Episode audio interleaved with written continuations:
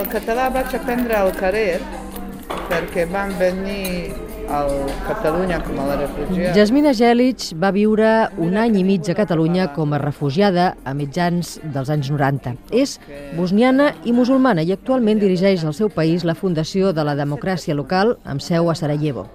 La seva feina és ajudar les dones.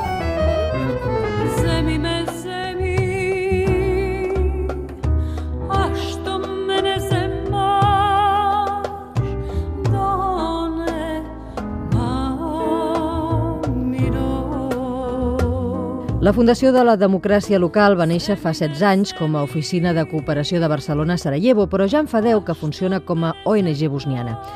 La seva feina és, com ens explicava Jasmina, donar suport a les víctimes de la violència de gènere, un fenomen en augment. El problema de la violència domèstica cada dia és pitjor. El problema és la situació política i econòmica al Bòsnia. Tenim un 50% percentatge del paro.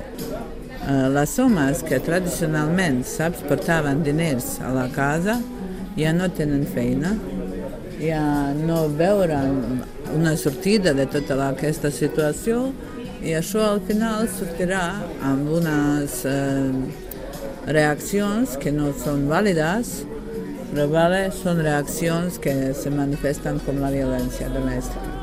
Sarajevo té aproximadament mig milió d'habitants i, segons les últimes dades, cada dia es presenten 10 peticions d'ajuda de dones maltractades.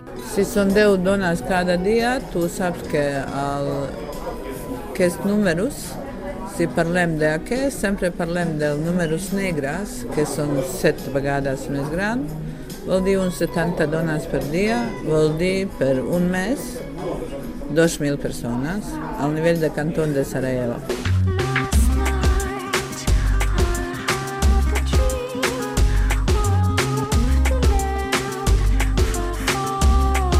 La Fundació també fa una feina especialment delicada, l'atenció a les dones víctimes de la guerra.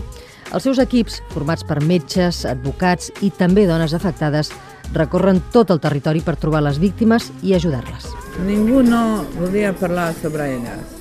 Si parlem de part de Federació de Bòsnia, fins al 2005 aquesta població no estava reconeguda de part de lleis a la Federació de Bòsnia i Herzegovina. I si tu no estàs reconeguda per les lleis, vol dir que tu no existeix. El problema més gran que tenen és que ningú no treballa amb elles de recuperació de trauma. I si tu no treballes amb ells en aquest nivell psicològic, vale? al final genera un problema mental molt greu. Ara, gràcies a la pressió d'organitzacions com la Fundació de la Democràcia Local, les víctimes de delictes sexuals durant la guerra es poden registrar de manera anònima en una base de dades per accedir a ajudes econòmiques, socials i, sobretot, mèdiques. Aquesta base de les dades ja tenen un eh, 4.000 dones. 4.000 dones per una altra vegada parlem dels números negres, si multiplies amb el 10 són quasi 40.000 persones. Vol dir que podem començar a parlar sobre uns eh, 40-50.000 persones violades al Bòsnia, al tot el Bòsnia, i uns 80% d'aquestes dones violades són musulmanes. Una feina ingent que topa, a més, amb la llei del silenci que suporten les víctimes i que arriba als fills que hagin pogut tenir.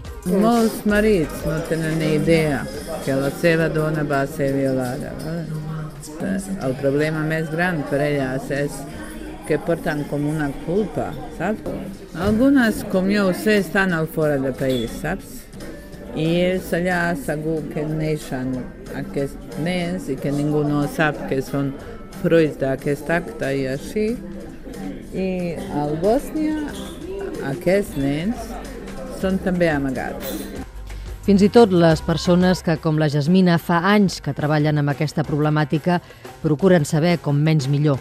Són conscients que encara hauran de passar molts anys perquè tant aquestes dones com els seus fills siguin acceptats per la societat.